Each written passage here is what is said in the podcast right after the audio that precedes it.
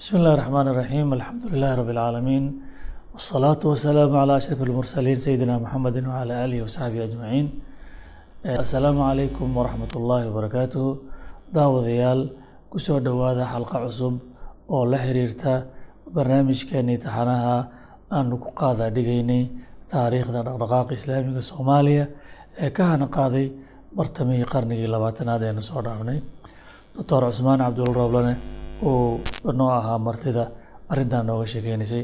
Doctor soo dhawow adoo mahadsan. Doctor waxaan joognay sheekadu noo maraysay toddobaatan iyo lixdii markii muxuu ahaa dhalinyaradii ay isxilqaameen dadaalkooda ay sii wadeen kacaankii islahaa mas madaxa laga dilaa oo sheekhi markuu xirane ku fakarayay wixii inay kala tagaan. Uu ku hongoobay dhaqdhaqaaqiina uu ballaartay meel kastana uu gaaray kadibna taa loo adkeysan waayey oo ay dhacday markaa in dhaqdhaqaaq fara badan ogaateen ka ogaateen sida iskuullada laydinkaga kacay ka ogaateen sida waalidiinta ilmahooda la macaamuleen ayagoo u baqaya gacanka wax uu soo wado. Sida aad u aragteen haddana macnaha nimankana wad sugidda idin daba jooga idin dhex socday taas oo gelisay jamaacadii inay si jidiyal qadayd uga fakerto oo ayna istiraahdo. Maxaa dhici doono tawaqucaadka yihiin halkaan noo ka sii wadayna waxaan bal ku weydiinaa bal dhaqdhaqaaqaasi a aragteen iyo waxa soo socdo aad malaysanayseen. Sidee bay jamaacadu ula tacaamushay arrimaha iyaga maxaana ay tallaabooyin ay qaaday jamaacada? Bismi illaahi raxmaan raxiim warkaadii wuxuu i xasuusiyey kacaanka sheekh maxamed macali xasan allah u naxariistee tafsiirkiisa waxa weeye toddoba sano ayuu socday waa u dul qaateen. Intii dambe oo dhanne ayaga oo runtii sabarkooda uu sii dhammaanayay annagii dhalinyaradii markii aan duruustii la wareegnay oo aan kursigiisa ku fadhiisanay tafsiirkii xadiiskiina annaga aan la wareegnay toddoba bilooduu noo dulqaada waaye sababtoo sidaan horeta u sheegay haddii sheekh maxamed xoogaa uu sari jiray annaga waa saafnay saa darteeda haddii xamaasad dhalinyarana waa iska aheen wixii markaa noo shucuurka noo dareenkii hadba nagu jiro dad kala reebo kara ma ahayn waxaan dhihi jirnay sheekh maxamed toddoba sana loo sabrey ma toddoba bilood baa naloo sabri waaye wixii dhacayba waa taa aan horey ku soo sheegnay bishii may sagaal iyo tobankeedii toddobaatan iyo lixdii in habeenkii loogu talagalay in la qaado ololihii dhalinyarada lagu xirxirayay haddaba waxaan jeclaa qeybta hadda aad i weydiisay oo ah hoos ahaan jamaacadii ahalka la dhahayay markii arrintii ogaatay waxyaalaha ay ku tashatay oo daakhil ahaanteeda hoosesay isu habeyn laheyd ayaan rabaa xoogaa kelimad inaan ka iraahdo. Marka ugu horeyso jamaacada ahalka oo aan soo sheegnay toddobaatan iyo saddexdii bilaawgeedii amaba dhammaadkii toddobaatan iyo labadii annaga oo sideed iyo toban dhalinyaro ah inaan asisnay oo aan amiirna u dooranay walaalkayni noogu noogu qaalisanaa oo cabdiqaadir sheekh maxamuud ah. Markaan la marayo toddobaatan iyo lixdii qeybteedii hore aan marayno horta soddon qofood baan ahayn. Macnaa labiyo toban keliya idinku soo biiray laba iyo toban afar sano oo intaa shaqadii ugu badneed xarakada ay socotay wixii ku soo biiray laba iyo toban qof baa ay ahaayeen sababta keentayna taasi waxay aheeday shuruudda dadka lagu soo dooranaya oo aada u adkaa oo ahaa runtii hadafka ugu weynon markaas u sameyneynina ay aheeday sideeda jamaacadan aan saldhig ugu dhigayna xarakadan ballaaratay siina soco doonto dadka maamulaya qaacida salba waxaa fiqiga xarakiga lagu yiraahdaa in loo sameeyo saldhig adag iyo xubno xul ah oo si fiican u dhisan inuu noqdo. Maxaa yeele asaaska mar haddii xoogaa uu maaragtay maxaan ku irahdaa jilicsan yahay dhismaha dhan baa dumaya dhismihii xarakadoo weynaa tiirarka uu ku taagan yahay oo jamaacada ah xubnahay ka kooban yihiin inay noqdaan dad maaragtay si khaas ah loo diyaariyey. Macnaha siddeed iyo tobankiinii hawsha asaasay iyo labiyo tobankaa ku soo biiro soddonkaa noqoteen waxaa ahaydeen ragga shaqada socodsiinaya laakiin xarakada iskase jismigeeda waa weynaa dad fara badan iyo gobollada gaari ay socon. Marka laakiin dadkan waa dadkii shaqada socod xubnaha rasmiga ah ee u ahaa asalka adag u ahaa. Taas waay marka meeshaas meeshaas anoo runtii sii dhammaystiraya waxaa marka eh, runtii talada talooyinka waaweyn oo la gaaray waxaa ka mid ahaa maadaama hadda la sugayo in la isku soo dhex dhaco oo in badan oo dadkii saldhigga ahayne la filaya dadka ugu horreeya oo la xiri doono oo meesha ka baxaya ay yihiin tala waxaa timiday ah eh, in la ballaariyo xubnaha jamaacada Eh, saa darteeda waxaan go'aansanay soddon kale inaan ku soo darno. Oo waa wax nagu cusub ay aheeday waxaa laga yaabaa dhowrkii biloodba ama sanadkiiba qof ama laba inuu soo galo. Hadda hal mar in intayni in la eg soddon baan aheene soddon kale in lagu lagu lagu soo daro. Dee waxaa asbaabaha nagu bixinaya waxaa ka mid ah sideeda haddii saanoo ka marka la isku soo dhex dhaco qofkii jamaaca ku jira oo samciga daacadiisa iyo istishaaradiisa iyo meesha uu noqonaya yaqaana ma- gelaya booq ma ku dhacayo haddii arrin dhacdo jamaacada ka tasha doonta uu leeyahay wuxuu wuxuu noqonaa nin suga wixii looga taliyo laakiin ninkii in xarakadaa guud un iskaga dhex jiro walaaltinimadaa guud leh dadka ay ka dhexaysay arrimahan oo kale markay dhacaan ama lis arki waayo waxaa dhici karta inuu go'aanadiisi keligiis gaaro sidii uu ka badin waayo uu yeelo. Marka waxaan dhahnay en waxaa laga maarmaana rag badan oo jamaacada soo gala oo meeshay talada ka qaadanayaan iyo habkay u tashanayaan si nidaamsan u ogaado taas ayaa horta runtii macnaha haddii gilgilasho dhacdane ee, xubnaha is adkaysan doono isxiri doonane in inta hore ka ballaartaan. Sida awoodda gacan loogu sii hayo. Waa kaa sidaasaa keentay. Dhinac kalena waa nagu sii bixinayso maadaama sidaan xalaqadii hore ku sheegay amiirkayni cabdiqaadir sheekh maxamuud aan go'aaminay in uu dibadda aado si jaamacaadka islaamiga ah uu ugu biiro oo cilmiga islaamka si qoto dheer uu u soo barto maadaama qofkii imaamkayna ahaa oo xarakadana hogaaminteeda iyo fadwadeeda iyo maaragtay wax kasta oo la sameynayo in diinta ay waafaqsan tahay qofkii mas'uulka ugu muhiimsanaa inuu yahay furso in loo siiyo inuu culuum alislaamiya mutabaxir ku soo noqdo. Sideeda annagoo xaraka islaamiya nahay waxa aan wadno ma aha hawadayna inaan ku wadayno iyo siday naftayna jeceshahay waa noo caddeed in wax islaamka waafaq shay kasta tilaabo kastoon qaadayno iyo go'aan kastoon gaarayno inay noqoto wax ilaahay diintiisa waafaqsan. Inaan cilmi dheeraada u yeelano. Maadaama marka uu naga tegayay ninkii odageenna ahaa oo in badanne xataa qiimeynta dadka iyo aan kala tashanaynay waxaan goosanay intuusan naga tegin inaan maaragtay uu nala ogaado xubno badan oo jamaacada lagu soo darayo oo baycadana asiga ka qaado. Saas taas labadaas sababoodba waxay keentay tirada intaa la eg inaan ku soo darno.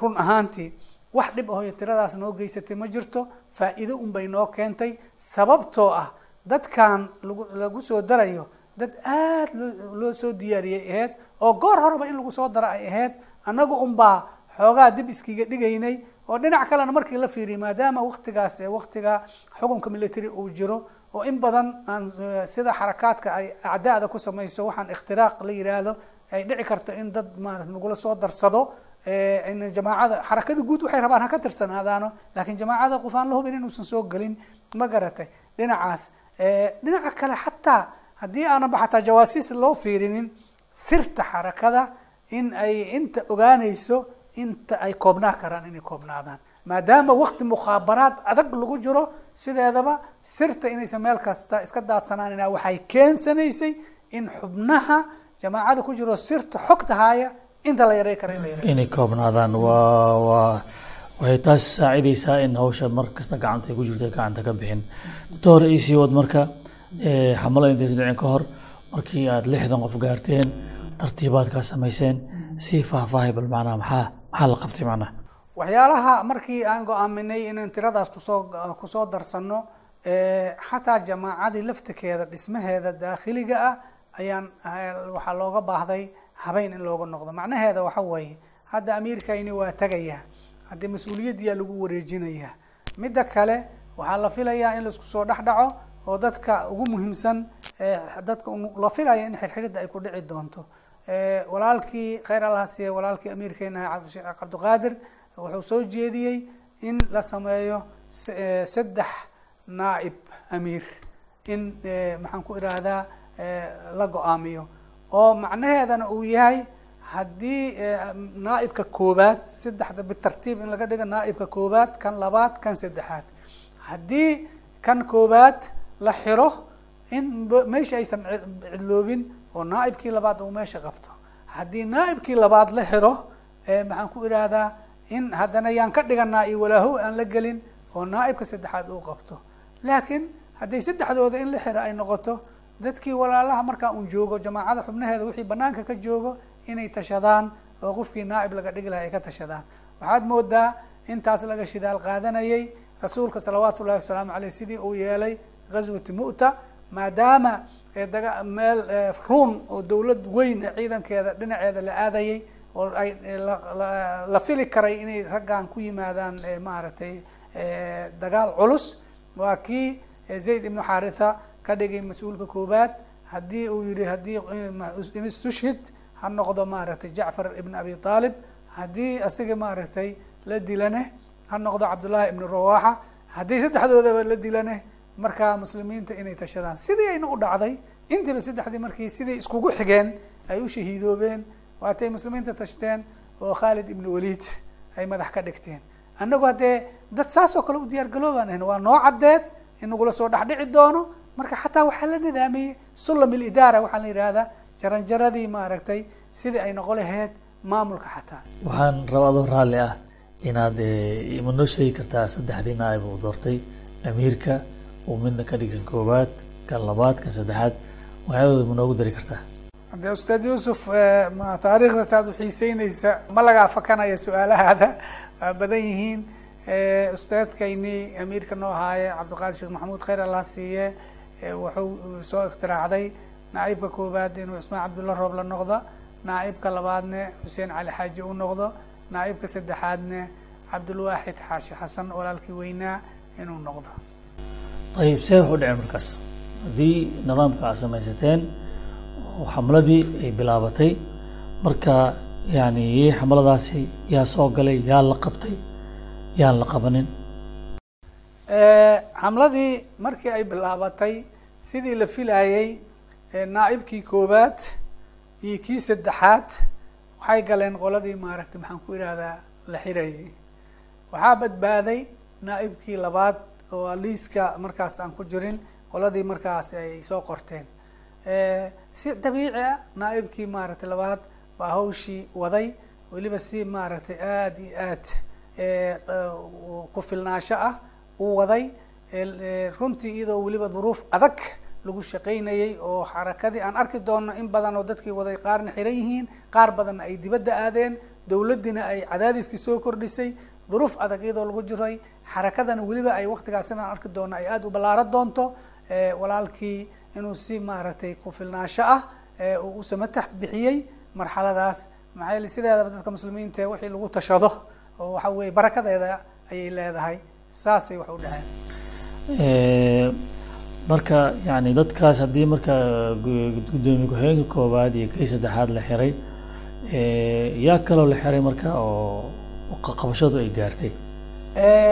Waxaa la dhihi karaa sori baan u soo sheegnay dhalinyaradii wiilashii khaasatan intii wax akrinaysay meel kastaba ha ka akriyaane oo iyaga markii horeba liiska lagu soo darsaday ilaa labaatameeya ayay ahaayeen. Gabdhahana waataan horey u sheegnay in afar ka mid ah lagu soo darsaday laakiin waxyaalihii markii xabsigii aan iskugu tagnay aan ogaanay waxaa ka mid ah waxaa la soo xiray saraakiisha dawladda ama hay'adaha dawladda dadka ka tirsan oo aqoon-yahanada ah wax alla wixii lagu dareemayay inay xoogaa caatifa diini inay leeyihiin. Xarakadii kama mid aha toosna waxaa dhici karta inaysan ula shaqaynin laakiin sifayntii kacaanka diiniyiinta in laga sifeeya la rabay waxaa ka mid ahaa in la soo xiray xataa dadkii magaca lahaa oo laga dareemaya caatifa diini masalan waaan waxaan tusaale ahaan u soo qaadan karnaa doctor yuusuf xirsi oo ahaa hormuudkii kuliyadda caafimaadka oo ugu muhiimsaneed kuliyadaha jaamacadda waktiga ahaane. Agaasimihii isbitaalada ugu waaweyn xamar mid ka mid aho lasareti ama fornilini la dhihi jiray. Takhtarkii dee takhaatiirtii soomaaliya ugu caansaneed oo kontameeyadii dadkii ugu horreeyey oo talyaani la geeyo medicinka soo bartay ka mid ahaa waa ka mid ahaa maxaa yeele nin aada iyo aad diinta u jecel. Meelaha madaxda markay iskugu yimaadiinna oo shuuciyiinta ay diinta wax ka sheega is yidhaahdiinna runtii naqdi jiray suntida u qaba jira uu ka mid ahaa. Marka maxaan ku ihahdaa wa waa la soo xiray. Munaasaba ahaan meeshaas ma aragtay waxaa lalaha yaab kalaha waxaa ka mid ah wax yar ka hor maalmahaas nala xirayay ayaa waxay aheeday waktigii mawluudka rasuulka salawaatu ullahi wasalaamu caleyh kul macadkii la dhihi jiray nersiska oo kalkaaliyaasha caafimaadka oo digfeer hoostiisa ku yiilay ayaa xaflad dhiganayay. Marka dhalinyaradii dhalinyaro badan aana noo dhiganaysay markia waxay noo yeereen inaan muxaadara meesha ka jeedino doctor yuusufna maadaama kuliyadda caafimaadka madax uu ka ahaa isagana waa lagu marti qaaday diini ahaa. Maxaa meeshii doctor yuusuf iyo aniga iyo maryan xaaji cabdiraxmaan saddexdayna ayaa ka hadalnay doctor yuusuf khudba cajiib loo jeediyo ilaa hadda aan aada u xasuusanahay. Wakti yar kabacdi saddexdayna xabsigaan isku aragnay. Ma garat marka sidaasa waxaa ka mid ahay dadkii caanka ahay dawladda ma dareenka diiniga ah laga dareemay. Xareed ninkii la dhihi jiray oo bangaariga dadka ugu sarreeya bangiga soomaaliya ka mid ahaa masaajidkan hadda xareed loo yaqaanane noo dhisayba ficlan markuu dhisayey oo qeyb gabdha xataa noogu sameeyey maaragtay maxaan ku irahdaa ka mid ahaa cumar dhalcadde nin la dhihi jiray oo agaasimihii warshadda caanaha ma garatay ahaa jiray. Waa saas marka wixii diiniyiin ahaa oo lagu dareemayay dadka waaweyn oo dawladda ku jira waa nagula soo daray. Doctor yuusuf xare iyo doctor yuusuf xirsi waxaan fila waa dhaktar ku soo takhasusay cudurrada neef mareenka. Aadna uga ugala tacaalay waqtigaas oo soomaalida u dhiman jirtay cudurka t b-da. Aadna u ahaa nin maaratay wax badan laga faa'iidaystay daaweynta cudurka t b-da intaanan meeshaa iloobin haddee intay diiniyiinta kale ma ahe kacaanka waagaas wuxuu yaqiinay. Haddii liis qolo furan in la qababta la rabo waxaa lagu dari jiray wax alla wixii kacaanka markaas uu ciilan yahay oo qiil uu raadsanaya. Waxyaalaha la yaabka lahay waxaa ka mid ah annagu dhalinyaradayna iyo macal xataa dadkaas xoogaa mas'uuliyiintahood magaca diineed xoogaa lagu ciilaya marka la fiiriyo intayna in la eg oo shuuciyiin iyo cilmaaniyiin iyo reer galbeed muraxay oo ilaahba qaarkood aysan rumaysneen ayaa liiskii lagu soo daray. Oo liiskan anaga liiskaynana waxaa lagu lagu tilmaamay wadaad xumayaal. Marka liiskii wadaad xumayaasha oo ay ku jiraan shuuci maaragtay iyo mid reer galbeeda abukaatayaal caan ahaa ayaa nagula soo daray. Saa darteeda liiska in la qaqabta lagu talagalay habeenkaas afartan iyo shan qofood buu ahaa. Oo marka haddii ilaa shan iyo labaatan anaga aan nahay xoogaa dadka diinta loo lagu xaglinaa shan iyo labaatan kaloo siyaasiyiin ah oo loogu maaragtay maxaa loo loo meel looga soo gabada lala-ay nagula soo daray saa darteeda habeenkaas sagaal iyo tobanka may afartan iyo shan siyaasiyiin tujaar waaweyn ee dhallinyaradeeni ayaa laanta buurna loo taxaabay. Waxyaalaha aan xasuusto waxaa ka mid ah gacanku dadka inuu kala tasniifiyey uu kala qeybiyey uu kala saaray isaga hanti wadaaga ku baaqay. Laakiin hanti wadaaga wuxuu ka dhiganaya barnaamij wax ku banaystay hanti wadaaga xataa ma aaminsanayn. Waxaa jirta inuu yihi waxaa jira dadka hanti wadaag xume hanti wadaag yare hanti wadaag same u kala saaray. Iyo waxau kala saaray wadaad xume wadaad yare iyo wadaad same iyo soomaali xume soomaali yare iyo soomaali same. Marka soomaali samaha iyo hanti wadaag samaha iyo hanti iyo iyo wadaad samaha waa kooxdiisa.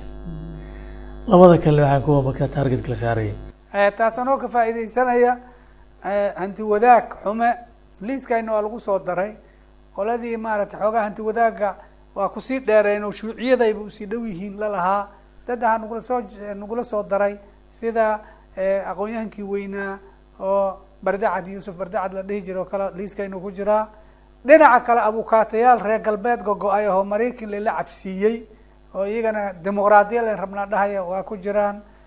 Agaasima cumar xaaji cumar xaaji deeriye ninkii la dhahayo maareeya wakaaladaha dawladda ka mid ahay oo qolada shuuciyiinta maaragtay ahaa inkastoo xagga markaan xabsiga iskugu tagnay isbedeli doono maxaan ku irahdaa waa ka mid ahaa marka wixii shuucinimadii kuwii ku tegay oo kacankay ka tilaabo dheereeyeen la yidhin waa waa nagula soo daray.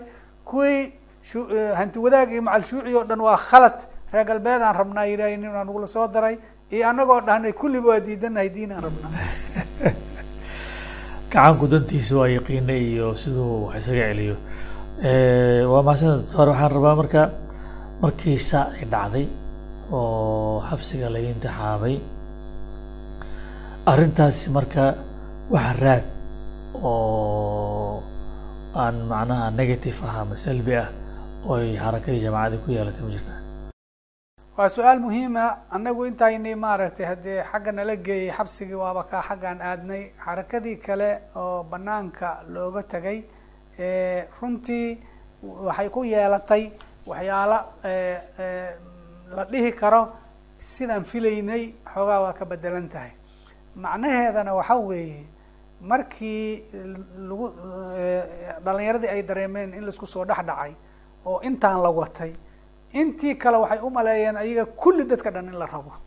Saa darteeda waqtiyadaas oo kalena waa og tahay wararka kutira kuteenka ah aad bay u shaqeeyaan. Waaa waa nin waliba gurigiisiyaa la tegay kaa waa la raadinayay nin daba socdaa la arkay inuu qabta maaragtay rabay wixii waxay noqotay wa haddee dawladdana waa uqasdaysay argagax waxaa la geliyay dhalinyaradii aan aad iyo aad looga soo gabo karin. Waxaa dhacday marka in in badan oo dhalinyaradii ka mid ah ay maga waddanka ka baxeen. Oo qof waliba uu yihi kulliba waa lagu raadinaa. Intii aad xabsi ku jiri laheyd dhalinyaro waxbarashaana aad u jecel baana la wada ahaa. Xuduudaha ka gudub bal dibadahaas waxbarasho ka doono arrin ahaa dhacday. Taas waxaa la dhihi kara waa la kala cararay baa macnaha haa waxaa la dhihi karaa si fiican baa loo kala cararay. Dad badan oo runtii aan la raadinaynin oo shaqada wadi lahaa ayaa saaxadii baneeyey. Oo taas annaga waxaa jirtay intaynay xirneed nasiib wanaag habeenkii ugu horreeyey oo nala xirayba. Markii hore godka jileco meeshaan la dhahay aa nagula aruuriyey sideed saac markay ahayd baa nagala qaaday laanta buur baa nala geeyay waa berigii isla markaa waxaan ogaanay inta ay rabaan in la xiro sababtoo liiskii nabad sugidda waxay u gudbiyeen qoladii ciidamada usluubta liiskii oo dhan wixii la soo helay habeenkaas iyo waxaan la soo helin intaba. Haddee si fiican baan u dhegaysanayo annaga waaba ujeednaa intayna hadda meesha jeebaysan oo fadhiye. Raggeenii banaanka joogay yaa maaragtay la raadina. Saan horey ugu sheegay lix qof baa ay waayeen oo aysan habeenkii u suuro gelin intii u qorneed. Haddee annagu marka walwalka noogu weyn waxaa weeye war lixdaasna waa la raadinaya ha ha ha qarsoonaadaan. Inta kalena hawshooda ha wataan khabarkaas yaa gaarsiiyey yaa gaarsiinaya. Isla habeenkii aan ogaanay. Waxay nagu qaadatay inaan khabarkaas un si un ku soo gaarsiino saddex bilood. Inkastoo markii dambe aan ogaanay xataa habkaan ku soo gaarsiinay inuusan soo gaarin. Cabsi wareer ka dhacay marka waxa weeye dhalinyaradii maadaama ay u moodeen in la wada raadinaa saan sheegay dad badanaa baxay. Walidalika waxoogaa yar waxaan meeshaas maaragtay sheegaa taariikhdayda intaan xasuusto intaa wixii ka horreeyey habeen saanfiidkii u fadhiisto salaada laygu kor aadaama aniga aanan indho isu keenin waxay aheeday annaga oo sagaal iyo toban maalmood meelaha xabsiga ku jirna ayaa waxaa nagala daba keenay laanta buurana loo daba keenay walaalkeen yuusuf maxamed cilmi oo doctor yuusuf maxamed cilmi hadda ah oo kismaayo ninkii dhalinyarada ka mid ahaa oo tafsiirka ka akrinaya liiskaa lagu soo darsaday xataa kuwii gobollada wax ka akrinaya lama cafin. Laakiin isaga markii kismaayo lagu qabtay stationka kismaayo cabaar ku xirnaa markii xamar loo soo gudbina xarunta nabad sugidda meeshii fiyaad la dhahayo kan godka jilaco haddii la yihahda la dhihi jiray jibriil la dhihi jiray ninkii dafla kaga dambeeyey meesha meeshaasaa muddo uu ku xirnaa markaa kabacdiyaa naloo keenay inaga maalintii marka uu noo yimiday waxa uu nooga sheekeeyey intii uu ku xirnay stationka maaragtay kismaayo dhalinyaradii walaalaha ka mid aheyd oo soo martay ayagoo raba inay xuduudda kenya ka gudbaan. Markaasu hebel waa soo maray hebel waa soo maray hebel waa soo maray. Intaa in lamidana dhinaca buulaxaawe ayay iyagana maaragtay aadeen. Khabarkaas habeenkii markuu maalintii intuu yimid inoo sheegay waxa weeye sidii biriq madaxa nooga dhacdo kale ay noqotay oo waxaan suuraystay in meeshaas xarakadii ay maaragtay u dhamaatay nashaadkii dhaqdhaqaaqii oo dhanna uu joogsanayo haddii intaana la soo xiray intaasna ay baxday yaa u maqan xarakadii. Ficlan habeenkaas waxaan suuraystay xarakadii intaa la soo dhisayey dhalinyaradii intaa la soo aruurinayey maanta inay masiirkeeda khatar ku jiro. Waa middaa midda hurdada iseejisay oo ilaah waa berigii aan maran ooyo iyo maran alla baryo ilaahow dacwada maaragtay adaa u maqan. Macnaha waxaa kaa murugsiiyey dad aan la dalbeyn oo aan la rabin oo iska cararay goobtii baneeyey iyo ma waa gartay jilacow waa genaraal axmed jilacow oo ahaan jiray taliyaha nabad sugidda gobolka banaadir genaraal jibriil wuxuu ahaa ku-xigeenka taliyaha nabad sugidda guud ee soomaaliya oo markaana uu haysan jirin la jiray axmed salaamaan dafle oo ahaa taliyaha nabad sugidda ciidamada soomaaliya. Kana mid ahaa guddiga siyaasadda ee xisbiga handiwada gacanka soomaaliyeed. Doctore aad baa u mahadsan tahay. Haddii markaas xabsiga saa ahayd oo doctor yuusuf maxamed cilmi uu khabarka idin keenay marka maxaad ka xasuusataa marka xarakadii banaanka joogtay oo aan xabsiga gelin bacdigiin si xaalkeed ah taas arrin muhiima weeye. Insha allah xalaqada soo socotaan ku faahfaahi doonaa laakiin hadda hal kelimo ayaan maaragtay ku sii muqadimo ugu sii dhigayaa kelimadaas oo ah inkastoo aan suuraysanay inay xarakada meeshaas ku dhammaatay burbureyso warkaa noo yimiday sidii ma dhicin bal waxaa dhici doonto inay dacwadii ka sii fidi doonto intii hore kana sii ballaaro doonto ayna ka qaadi doonto inay dante iska dhaafe isballaarinteedii ugu badneyd. Say ku dhici doontaa. Ficlan dadkii muddo walaahow bay ku jireen dhalinyaradii say dib iskugu habeeyaan.